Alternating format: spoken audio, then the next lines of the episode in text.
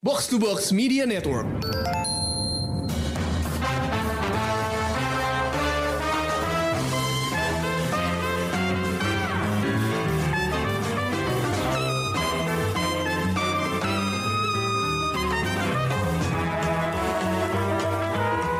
Pendengar Showbox, welcome back to Showbox Podcast dengan episode review baru. Sebelum kita mulai, gue pengen jelasin dulu nih bahwa sejak episode review Alice in Borderland dan First Love yang lalu, sudah lahir sebuah segmen baru di Showbox bernama Chow Jepang Korea Vagansa. Jadi sekarang gue pengen bikin segmen khusus Jepang karena makin sering kita nge-review karya-karya dari Jepang, ya jadilah segmen ini yang gue namain Chow Japan.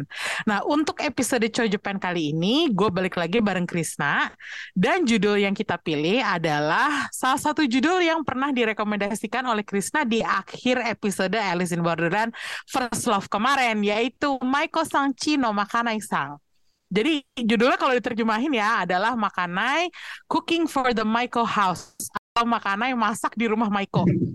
Pertama-tama, walaupun serial ini memakai nama besar Hirokazu Koreeda seperti yang Krisna udah ceritain kemarin itu, ternyata ada dua sutradara lain yang terlibat. Dua atau tiga ya, Kris? Kayaknya tiga, deh. tiga tiga Hmm. Eh, ini gue bacain aja ya nama-namanya ya. Ada eh, Suno Megumi, ada Okuyama Hiroshi, dan ada Sato Takuma. Mereka berempat menulis naskahnya barengan sama Sunada Mami. Jadi ini bukan proyek solonya Koreeda aja, tapi justru kayak proyek keroyokan yang hasilnya terasa luar biasa Koreeda. ini menurut gue loh, gue nggak tahu nih perasaan Krisna gimana sebagai uh, orang yang mengemari Koreeda sebagai salah satu sutradara favoritnya sepanjang masa.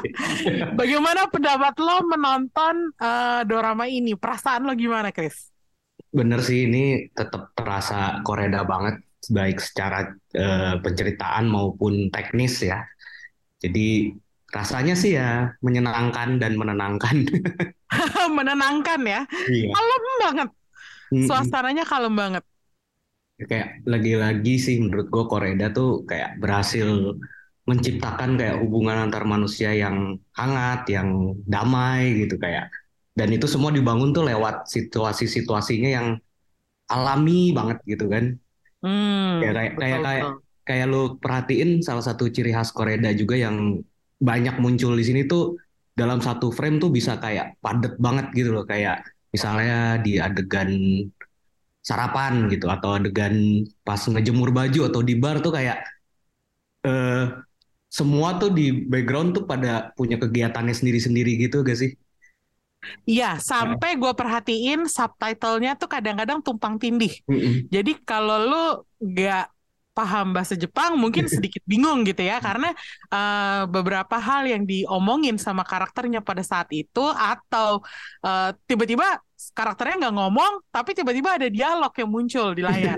Ternyata Iya. itu dialog dari pembicaraan di back- background Background dan lo nggak akan sadar kalau lo nggak bener-bener dengerin gitu. iya Jadi emang sibuk banget sih Chris. Kalau Iya, menurut tapi- gue eh, penataan adegannya eh, bagus, tapi ya itu dia eh, kalau lo nggak biasa nonton kayak gue nggak padat ya biasa gitu. nonton, terasa sibuk banget. Jadi kayak mata gue jelalatan gitu. Ini siapa yang ngomong? Terus ini lagi ngapain sih di belakang kok asik sendiri gitu. Tapi itu kayak hasil hasilnya jadinya ini kan kayak terasa alami banget gitu kan kayak ya ya begitu gitu kalau lu ada di satu tempat dan orangnya banyak ya begitu gitu kan. Hmm, Terus iya iya. apa lagi ya nggak nggak ada dramatisasi berlebih gitu semuanya terasa realistis pas gitu dan itu kayak cocok sih sama ceritanya yang intinya kan tentang pencarian passion ya. Hmm, terus iya iya iya. saling support segala macem terus kayak ya lagi-lagi juga sih Koreda nunjukin kalau cerita yang menarik tuh nggak selalu butuh antagonis Iya betul banget. Ya. Dan gue jarang banget sih ngelihat yang seperti ini. iya kan kayak konfliknya muncul tapi terus ya udah berlalu cepat nggak bertele-tele segala macem bahkan mungkin eh, tidak benar-benar terselesaikan tapi ya memang akhirnya si karakternya akhirnya ya bisa berdamai dengan situasi itu aja gitu terus kayak ya selain itu sih pastinya ya bikin pengen ke Kyoto dan lapar sih nonton ini. Nah, betul juga itu. Nanti kita bahas lagi. Ya. Nah lu, nah lu sendiri gimana? Biasanya kan apa ya? se- Setahu gue nih ya, Emi Uh-uh. tuh kan jarang nonton slice of life kayak gini. Terus ya jarang juga kan kayak nonton. Pertama kali mungkin ya lu nonton garapannya Koreda, eh, dra- dorama garapannya Koreda kayak gini. Betul, ini pertama kalinya gue nonton sebuah karya Koreeda sepenuhnya dan Gimana, bukan gimana? film gitu. Iya bukan film. Gimana? Jujur aja, gue nggak nyangka gue menikmati banget sih.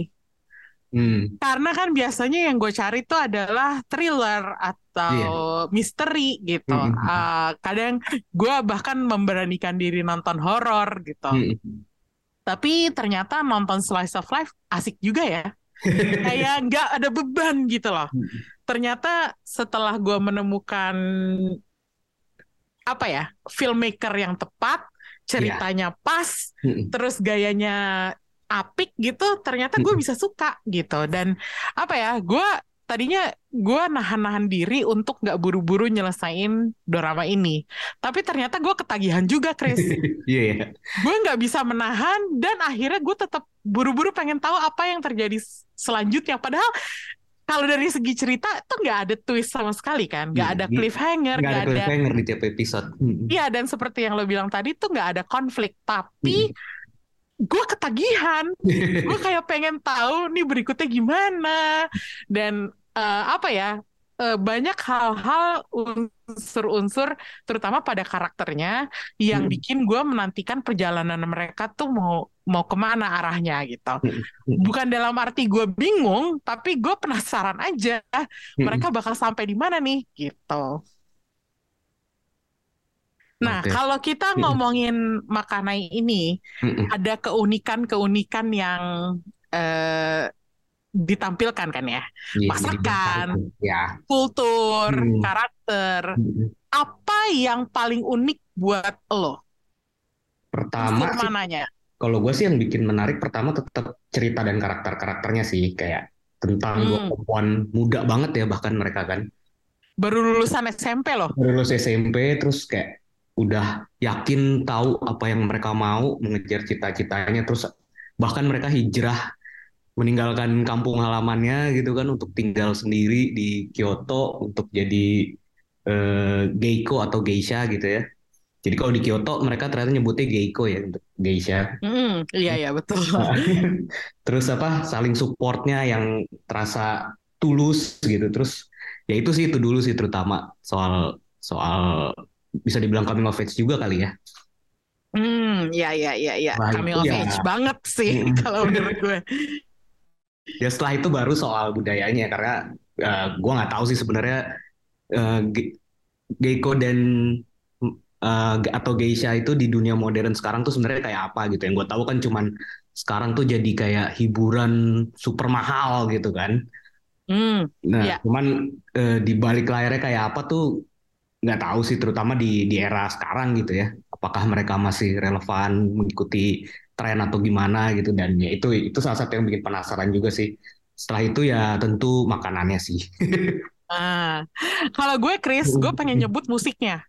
Oh Karena iya. yang menggarap adalah Yoko Kanno. Kalau lo suka Iya. nonton anime tahun Hmm. 90-an 2000-an awal tuh Yoko Kanno tuh kan banyak banget ya Banyak. Hmm. karyanya.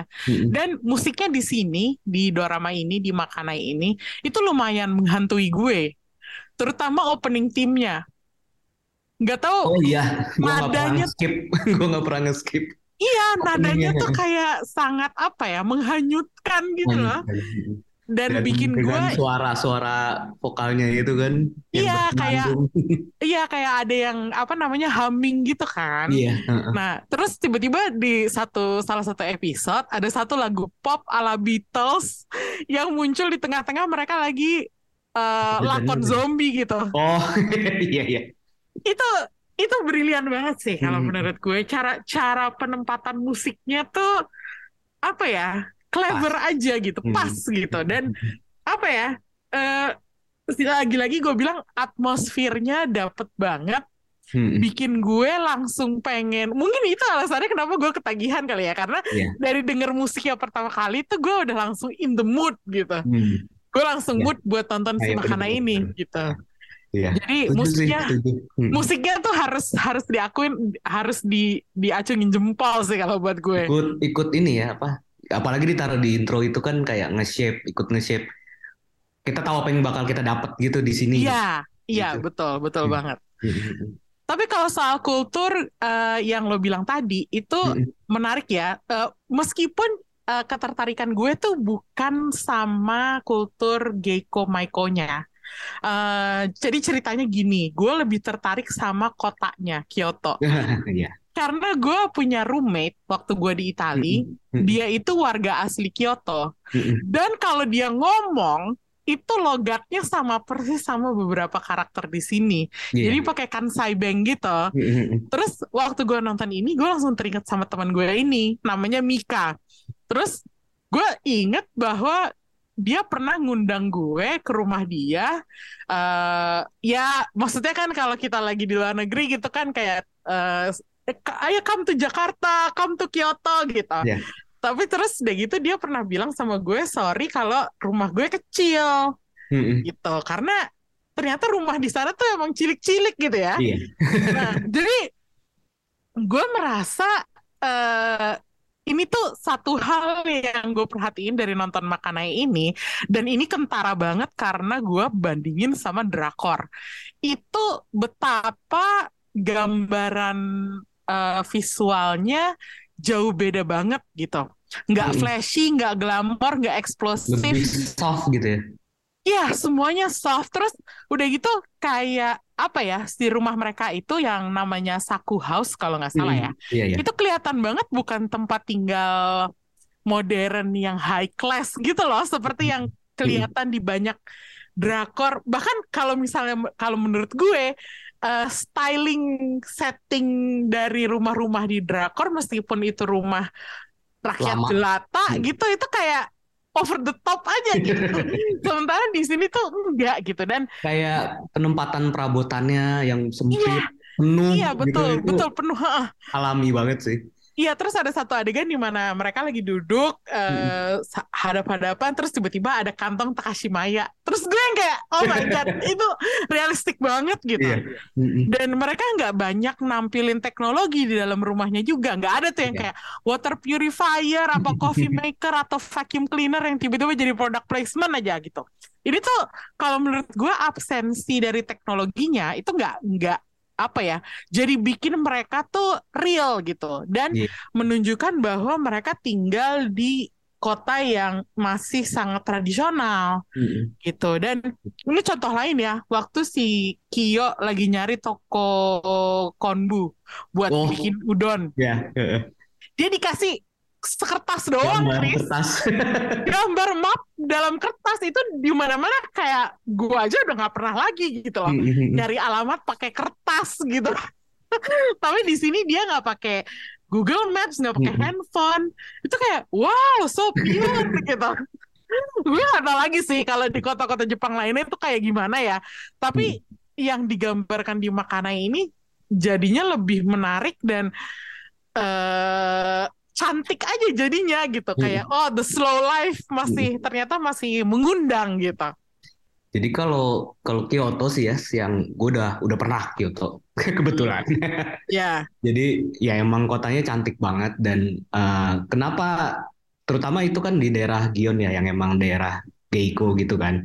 ya Nah, jadi emang itu daerah itu tuh dilindungi sama pemerintah Jepang. Jadi kayak apa ya Oh. istilahnya fasad ya kalau apa tampak muka rumah tuh mm-mm. segala macam dari itu jadi emang mereka nggak boleh diubah.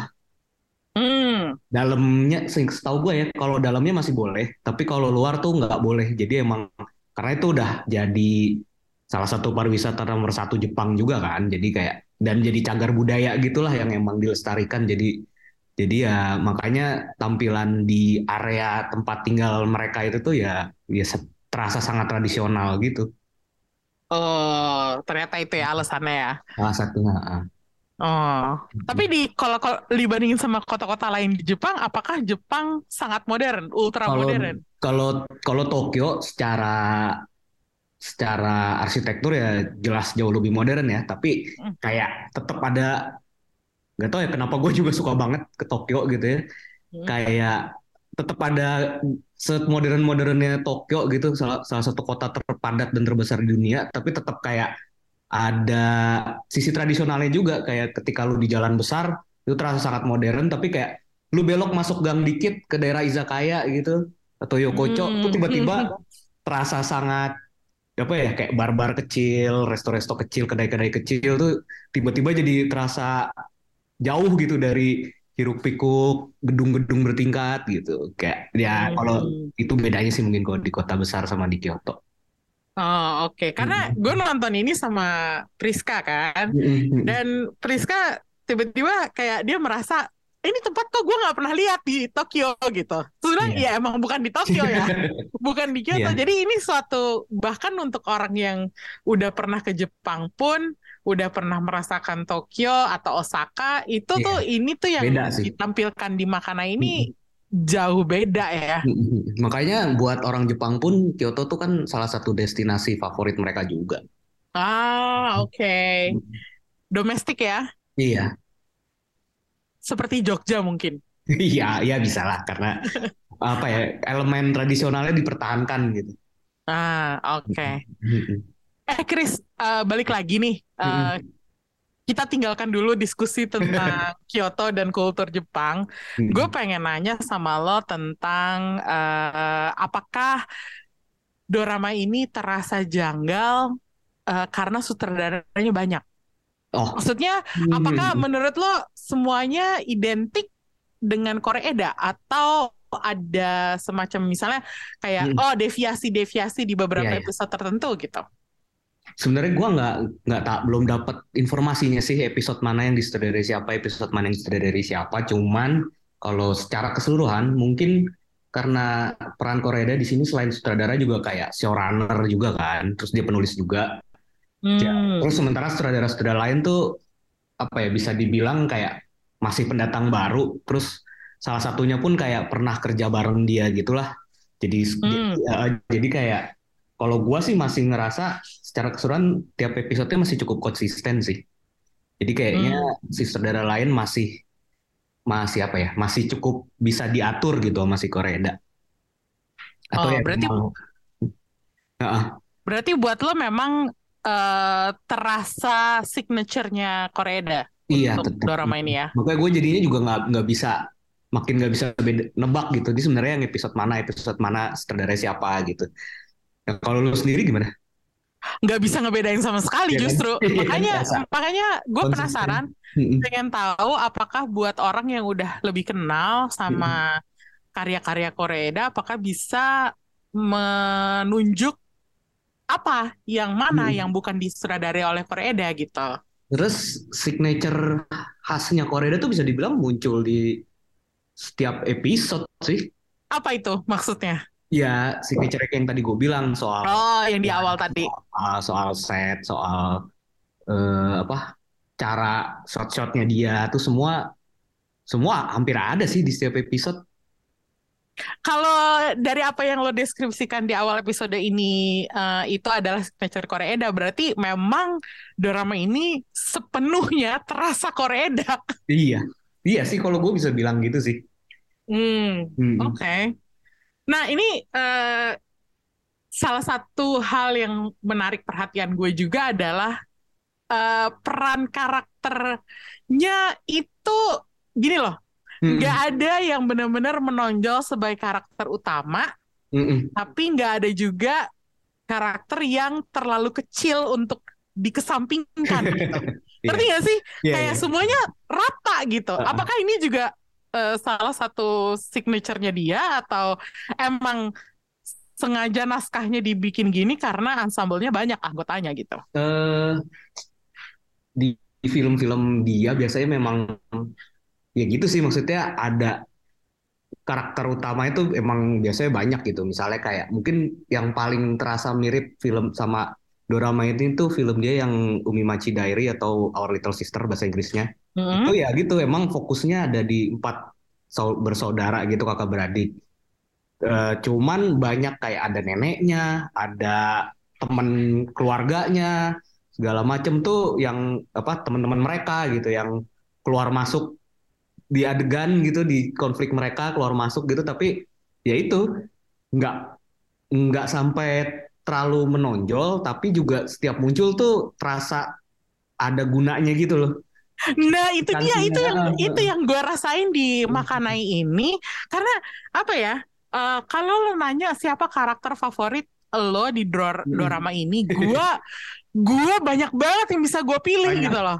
Gue juga. Iya gak sih? Coba Mm-mm. deh karakter favorit lo di dorama ini siapa yang menarik perhatian lo?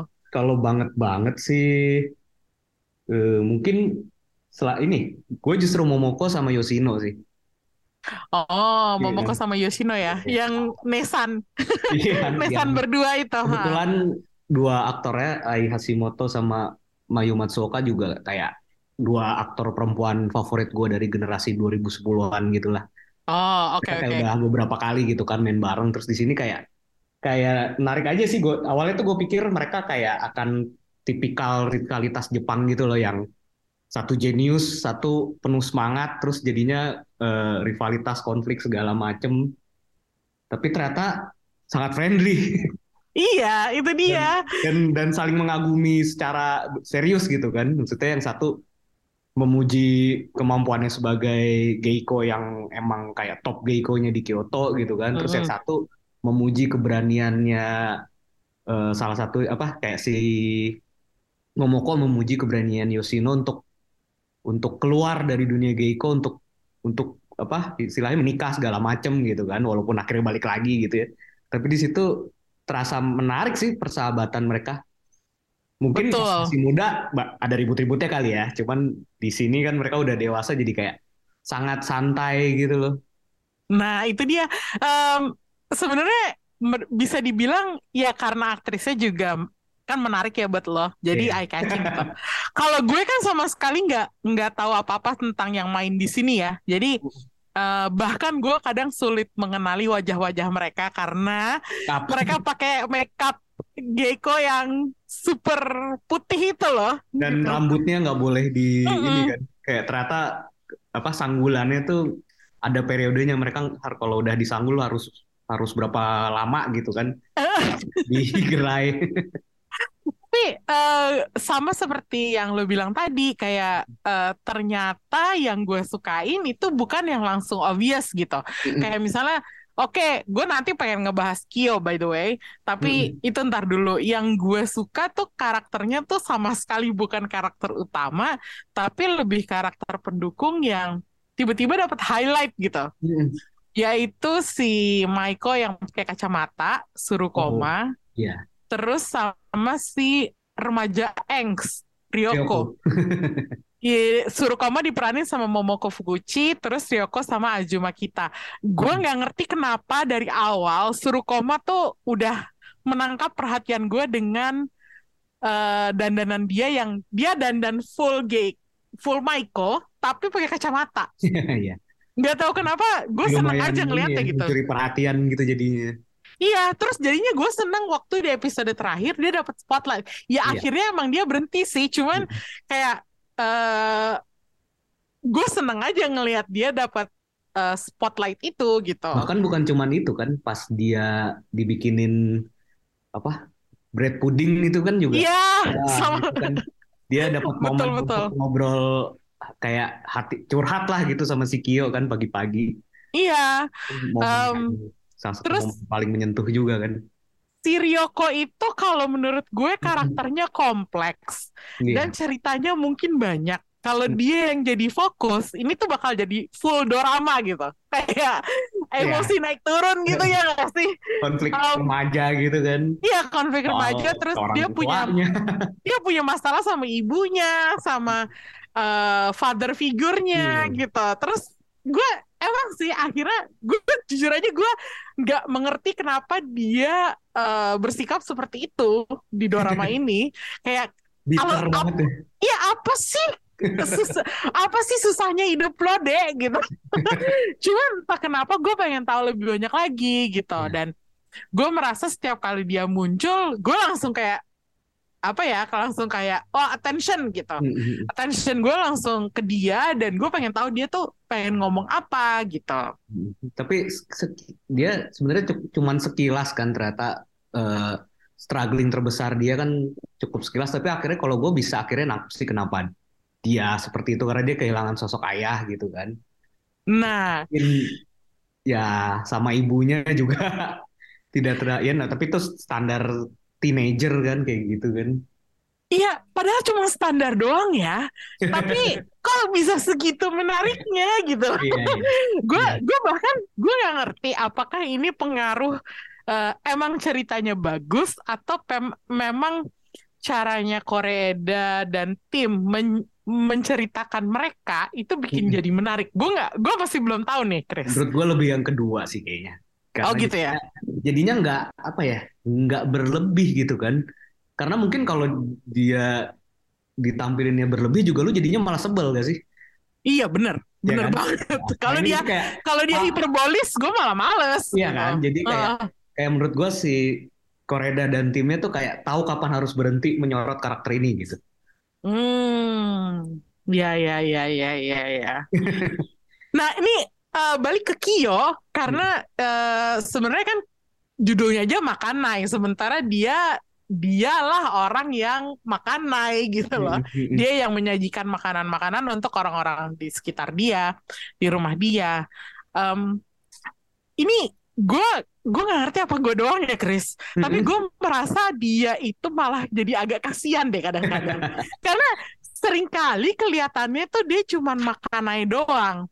di bukan dapur bagi- ya. Iya di dapur aja terus bukan dari anggota yang geng elitnya gitu, yang Maiko dan Geiko lainnya. Terus di episode terakhir itu malah gue rada melankolis melihat Kyo yang dia nggak ikut nonton performance-nya si Okasang sama dua Nesan waktu Mm. nari-nari di bar itu. Dia malah sibuk sendiri di dapur. Ya setelah itu dia emang terus sama Momohana sama si Sumire kan disamperin terus mereka eh, duduk bareng dan ngobrol Em, menggambarkan ya gimana pun juga persahabatan mereka tetap yang utama gitu. Hmm. Tapi kok gue sering banget kasihan ya sama si Kionik. Eh, kayak terpinggirkan gitu ya Iya gitu loh. Eh, yang yang gue takutin tadinya Mm. adalah ide buat mereka pindah ke Kyoto dan jadi Maiko itu adalah idenya si Kyo, tapi ternyata di reveal itu idenya si Sumire, Mm. Sumomohana gitu. Mm. Dan si Kyo akhirnya bilang bahwa nasib gue, takdir gue adalah untuk menjadi makanai. Baru setelah itu gue merasa agak legaan gitu. Gimana sih? Jadi entah kenapa se- sepanjang 9 episode drama ini tuh gue kayak agak-agak apa ya? khawatir khawatir gitu. Cemas akan nasib anak ini gitu loh. Mm-mm. Eh, pendapat lo gimana? Hmm, kalau untuk momen-momen yang lu bilang tadi, gue juga sama sih. Gue juga kayak ngerasa sedih ya, kok malah nggak ada Kyo. Padahal itu kan momen besarnya si Sumire sebelum dia menjadi Momohana gitu kan. Hmm. Tapi kalau diperhatiin lebih jauh, menurut gue ini justru nunjukin Kyo itu kayak udah sangat tahu apa yang dia mau dan passionnya, yaitu buat Oh. makanan enak ketika apa ya ketika apa untuk para Maiko segala macem. Jadi dia kayak apa ya sama sekali nggak menunjukkan eh eh gue gue ikut dong ke bar itu atau apa gitu. Ya udah dia tahu tugasnya di dapur, dia masak untuk para Maiko ketika pulang ya udah dia fokus nyiapin itu gitu kan. Dan emang dia nyiapin makanan kan untuk untuk untuk Sumire pas dia balik gitu kan. Terus kalau dilihat lagi juga ada banyak momen dia ditanya ditanya sama yang lain kan tentang perasaannya Hmm, betul Mana, betul. eh, kayak cuma jadi makanai gitu. Terus tapi responsnya tuh justru dia terasa kayak udah yakin banget kan dengan Hmm. pilihannya dengan justru dia sangat menikmati sampai eh, menurut gua salah satu momen penegasan itu gitu ketika dia minta dikirimin panci apa sih pen pen Ah, iya, yang- dari neneknya. kampungnya gitu kayak Iya iya iya. Berarti dia udah siap untuk tinggal di situ lama gitu. Karena pen yang biasa dia pakai di rumahnya aja tuh sampai dia minta kirim ke Kyoto gitu. Padahal berat banget kan di, di, di- digambarinnya gitu. Terus Hmm. eh, terus ketika momen-momen eh, yang dia ditanya sama yang lain soal lu nggak apa-apa jadi makanai gitu, lu nggak akhir apa nggak nggak jadi Maiko lagi gitu segala macem. Itu justru yang struggling itu yang nanya gak sih? Iya betul banget Oh, sih. dan terus pas Betul. pas ngobrol terus makan makanannya dia baru akhirnya kayak ah ya jadi lebih baik segala macem kayak gitu. Jadi jadinya gue justru ngelihat justru di sini tuh Kyo justru yang paling happy sebenarnya, yang paling udah Hmm. menemukan dirinya gitu. Selain si Sumire ya, sementara Hmm. yang banyak Maiko lain kan yang cukup struggling gitu kan. Hmm. Jadi ya ya itu sih ya sedihnya karena itu momen besar Sumire aja sih. Cuman kalau dilihat lagi ya dia tahu dia tugasnya apa sih. Oke. Yang dedicated kan maksudnya itu kan sesuatu yang sangat Jepang juga kan dedicated sama passionnya gitu kan. Hmm, sebenarnya ada satu kalimat yang dia bilang di episode terakhir waktu dia Hmm. lagi ngomong sama Surukoma kalau nggak salah. Um, Dia ngomong Ryori Teiyuka ano Daidokoro Gasuki. Jadi ini kalau gue terjemahin secara lepas, sebenarnya Hmm. subtitlenya agak beda ya sama Hmm. perkataan dia. Cuman uh, sepertinya dia mengatakan daripada masakan, bukan masakannya yang gue suka, tapi dapurnya yang gue suka gitu. Iya. Iya, iya. Jadi intinya dia emang sangat menikmati berada di dapur. Tapi jujur aja Chris, sebelum Hmm. momen itu, sebelum kalimat itu keluar dari mulut dia, Hmm. gue gue kayak, aduh, kasihan gitu. Kasihan. Emang pada akhirnya eh, terpancar bahwa emang dia happy banget di dapur. Iya. Itu tempat Mm-mm. dia Mm-mm. gitu. Eh, bahkan ya waktu dia bilang ke Sumire bahwa ini udah jadi takdir dia. Gue sebenarnya udah merasa lumayan Lega. eh, lega gitu. Tapi eh, baru setelah dia bilang bahwa dapur itu adalah tempat favorit dia, itu tuh gue gue lebih lebih yakin lagi bahwa oh emang tempat dia di dapur gitu. Makanya ya sebenarnya sih ini masalah perspektif aja ya. Kayak eh, sepertinya kan kalau jadi Geiko tuh ya glamor, di, dipuja banyak orang gitu. Tapi Kaya, sebenarnya- lihat aja apartemennya Momoko Momoko iya. dan koleksinya, Iya betul betul. koleksi Jadi jadi kayak apa ya? Kayak oke, jadi Gecko emang lo makmur berjaya apa segala macam. Tapi sebenarnya jadi makanai lo juga makmur berjaya karena orang-orang pada menantikan makanan lo gitu. Mm-mm. Ya nggak sih? Mm-mm. Nah, Iya. jadi itu apa ya? Satu hal yang gue kepikiran terus gitu. Em, kalau perjalanannya Sumire, gue nggak terlalu apa ya? Nggak terlalu pengen ngikutin karena mulus sih dia.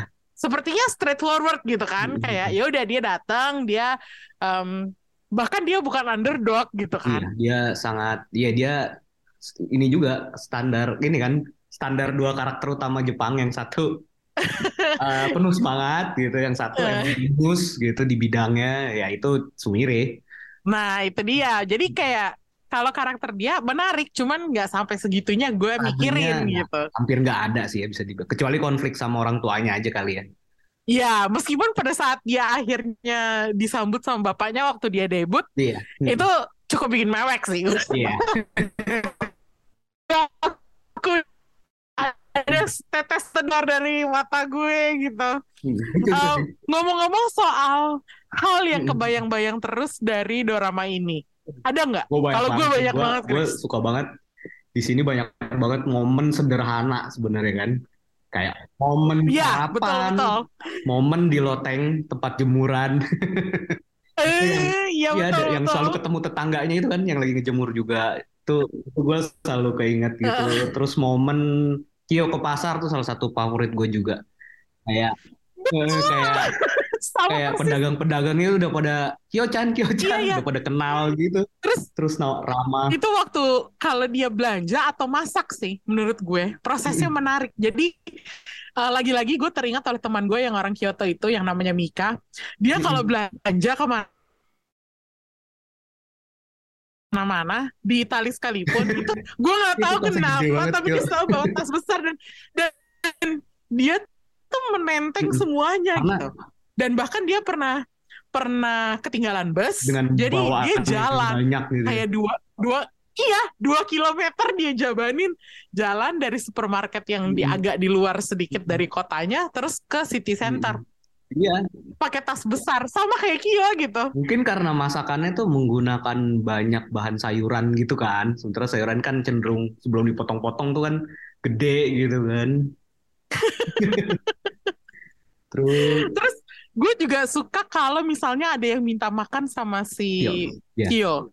Jadi kayak semuanya kayak excited gitu, pengen nyobain makanan dia kayak eh, boleh lagi nggak gitu, boleh tambah lagi nggak gitu, atau udah jadi belum gitu kan? terus kadang nggak dikasih karena kayak ini ma- masih buat Sumire soalnya gitu. Terus pada kayak wah pilih kasih gitu gitu. Itu momen-momen lucu yang sederhana sih sebenarnya kan. Tahu nggak ada satu lagi yang kepikiran di gue dan eh, apa ya, justru bikin gue kayak sedih juga gitu. Nah.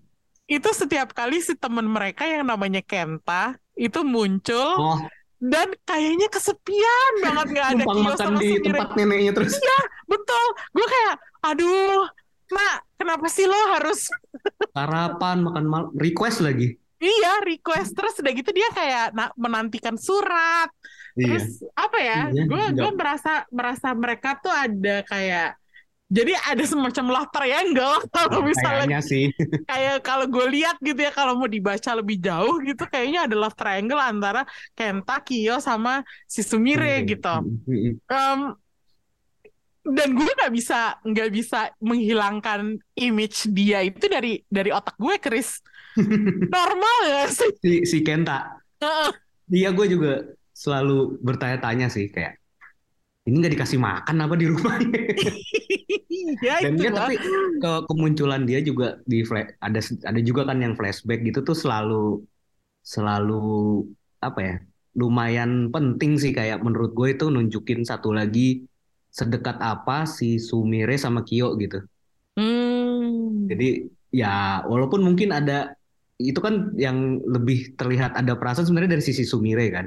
ya betul Tapi ya dia ngelihat kedekatan Kyo dan si Kenta pun akhirnya sama sekali nggak mengganggu persahabatan dia juga gitu. Sementara mungkin kalau di cerita-cerita lain tuh bakal jadi konflik sendiri kan. Tapi di sini ya udahlah nggak nggak terlalu inilah gitu kan.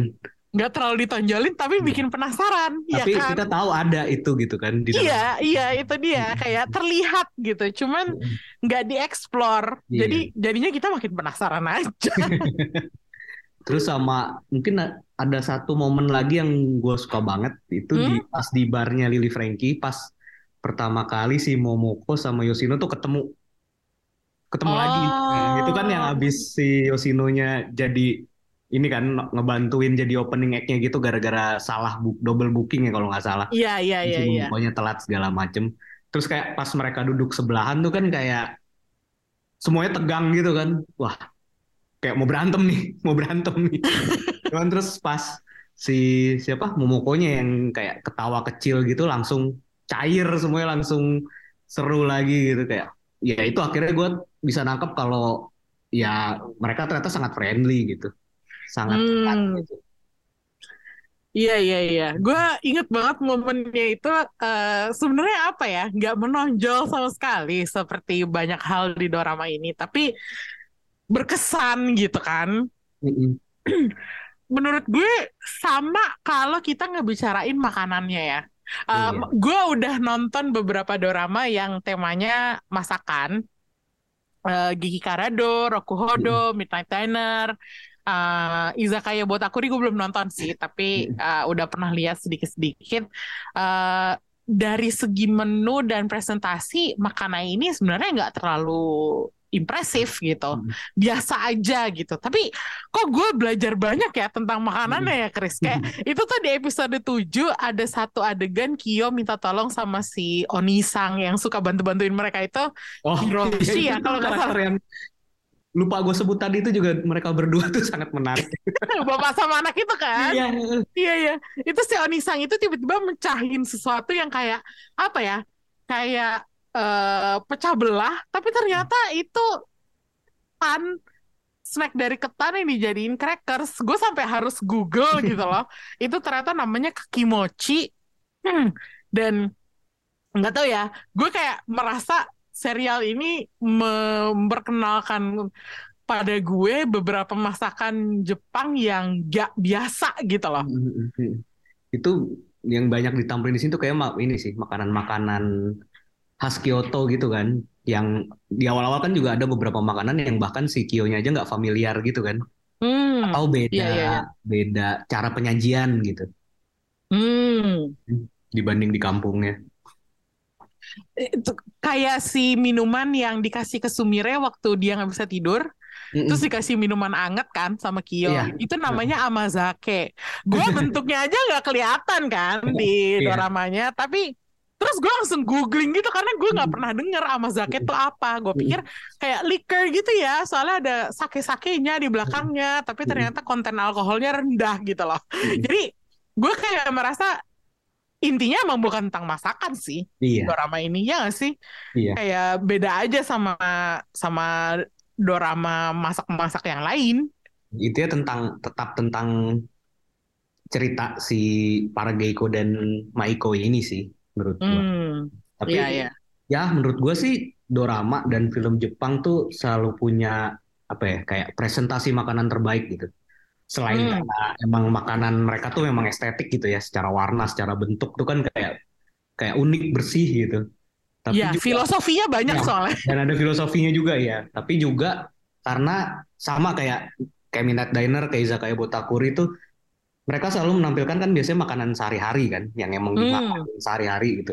Iya iya. Terus ada digambarkan tuh yang apa ya, yang bikin makin bagus gitu presentasi itu ada kayak pembuatnya tuh emang ngebikinnya tuh tulus untuk ngasih makan enak gitu loh ke Hmm. ke ke yang dikasih makan gitu ya. Terus kayak ada juga kayak makanannya itu juga kadang punya kisah personal buat yang makan gitu.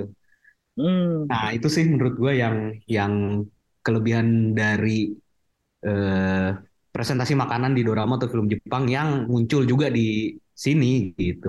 Hmm. Ya kan? Ya, kayak ini aja yang terakhir tuh makanan terakhir yang ditampilin pinggiran roti. Ya kan? Itu itu asli. Goreng. Itu asli gue belum pernah denger loh kayak kan? gitu. Tapi Iya, gue iya, langsung dapet ide gitu kan kayak Iya. wah pinggiran Terus- roti besok gue goreng Hmm, aja. Sementara yang Kasih lainnya juga kayak biasa kan kayak oyakodon, kayak apa lagi ya, bread pudding itu kan makanan sehari-hari mereka lah ya. Walaupun bukan makanan sehari-hari kita, tapi buat orang Jepang itu kan makanan sehari-hari banget kan dan itu yang selalu ditampilin dan tetap cantik gitu di di presentasinya secara visual. Hmm, iya iya iya. Kayak salah satu hal yang eh, di apa ya ditangkap sama Priska waktu nonton. Lo tau adik gue kan suka masak.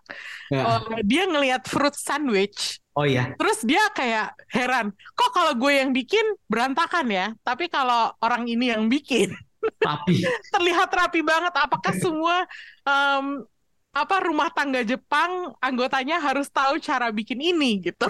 Enggak. karena itu kan fruit fruit sando itu kan makanan yang gampang banget ditemuin kan maksudnya. kayak Iya, Kalau ke convenience store tuh kan pasti ada tuh. iya. Eh, itu kan makanan khas convenience store Jepang banget sebenarnya kan dan dia bentuknya ya bener sih nggak tahu kenapa bisa Serapi itu gitu. eh, maksudnya potongan buahnya utuh gitu kan Rapi banget. Unbelievable. Nih, ini kalau kalau kita bandingin sama mangganya eh, serial ini cuma 9 episode tapi mangganya lumayan panjang Ya. nih kalau nggak salah. Eh, ada nggak sih potensi buat dilanjutin? gua belum pernah ngikutin belum pernah ngikutin manga atau animenya sih ya jadi gua nggak tahu Mm-mm. sebenarnya eh, di cerita materi aslinya itu berhenti di titik mana gitu apakah sama kayak di sini ketika akhirnya eh, Sumire berhasil menjadi Maiko gitu kan menjadi Momohana atau masih ada lagi setelahnya aja cuman Hmm. kalau menurut gua sih kalau dari doramanya aja ini sebenarnya kayak udah cukup sih Oh, udah cukup ya. Iya kayak kalau dilanjutin, hmm, ya kayak dua tujuan utama si karakter utamanya udah tercapai kan? Hmm, ya. Ya, ya si Sumiro akhirnya udah berhasil mencapai titik itu, si siapa eh, Kyo akhirnya menemukan apa yang dia senangi gitu kan? Hmm. Kayak udah udah cukup sih menurut gue. Takutnya jadi malah terlalu muter-muter di situ-situ aja gitu loh jadinya malah boring Iya, iya, iya. Hmm. karena Tapi lo ada, ya karena cerita kayak gini harus diakui memang kayak berpotensi besar untuk menjadi boring kan kalau nggak di tangan yang tepat Iya Iya, sih? iya, iya. Mm-mm. Kalau bukan Koreda aja yang nanganin, bisa jadi flop gitu. Iya kan. Nah, Iya. gue takutnya belum tentu Koreda mau balik lagi juga kan untuk ngerjain ini gitu. Hmm, Karena dia iya, iya. ini aja udah ada proyek film baru dia yang bakal dirilis gitu. Jadi kayak ya mungkin kalau masih Koreda gue masih masih oke lah. Tapi kalau bukan dia lagi mending nggak usah deh. kalau mau tungguin dia aja gitu. Ah, iya. Tapi lo ada keinginan gak sih untuk baca mangganya atau nonton animenya? Karena gue ada. Gue Hmm. tertarik karena visual di mangganya itu lebih lucu daripada live action. Cute ya gue ya gue Lebih cute, gue ngeliat covernya si Kyo-nya cute banget sih ditampilinnya kan. Mm-mm. Lebih kayak anak-anak gitu ya. Iya. Eh, ya, gue gue tertarik sih, tapi gue tertarik untuk ngeliat sebenarnya sejauh apa perbedaannya sama dorama ini sih. Oh. Sejauh apa si Koreda mengadaptasinya gitu. Apakah lumayan sama atau lumayan ya karena mediumnya beda kan ya, jadi nggak bisa plek-plekan juga kan. Hmm. Apakah aslinya juga memang se menenangkan ini? Apakah memang se apa ya nggak ya nggak ada antagonis gitu-gitu? Gue penasaran juga sih. Hmm. Sebenarnya mangganya nih eh, genrenya apa sih? Shonen atau atau apa? Oh, bukan shonen sih yang pasti ya. Kalau shonen kan biasanya laki-laki ya karakter utamanya. Eh, gue nggak tahu Hmm. juga sih. Belum pernah. Eh, tapi mungkin ya ini sih ya sojo kali ya remaja perempuan kali ya. Demografi Tapi kalau gue baca di Wikipedia nih, dia menang award buat shonen kategori. Oh, masuknya di shonen. Makanya gue nggak ngerti juga genrenya Oh. apa. Maksudnya eh, apakah eh, karena Kayaknya sih ya remaja ya. Cuman ya harusnya sih remaja perempuan ya. Tapi ini remaja laki-laki masuknya di shonen ya. itu dia kan misteri besar tentang Kyo in Kyoto. Eh, mangga dari mana Makanai ini diadaptasi. Eh, nih, lo tadi nyebut-nyebut proyek film berikutnya Koreeda, emang udah ada eh, kabar? Udah dia baru filmnya tuh baru ngerilis teaser sih. Judulnya bentar gue cek. Monster Kaibutsu kalau judul aslinya. Oh, oke. Monster. Rilisnya 2023 sih kayaknya. Katanya sih kalau nggak salah premiernya bakal di Cannes. Oh, oke. kan. Mm-mm. Tapi ya belum belum jelas juga di teasernya sama sekali belum jelas ceritanya apa. Oh, oke. Tapi lo berarti ada tontonan Koreeda berikutnya yang udah bisa dinantikan Semoga ya? masuk sini sih. Mm-mm. Iya, semoga ya. Insya Allah. Em, Oke, ini bahasan kita menarik, tapi gue nggak pengen terlalu lama-lama juga. Seperti kata Krisna tadi, biar nggak boring gitu. Porsinya biar pas aja sama kayak porsi dorama si makanan ini. Harus tahu Itulah tadi. Iya betul. Em, itulah tadi review kita tentang Makanai Cooking for the Maiko House. Dorama ini bisa ditonton di Netflix sepanjang 9 episode ya. Iya. Udah dari tanggal 12 Januari kemarin. Eh, thanks banget udah dengerin. gue pengen coba greeting ala Makanai. Mereka bukan Hmm. ngomongnya bukan arigato, tapi okini. Iya. Jadi untuk menutup episode kali ini, gue ucapin okini mata aimasho. Bye-bye. Bye.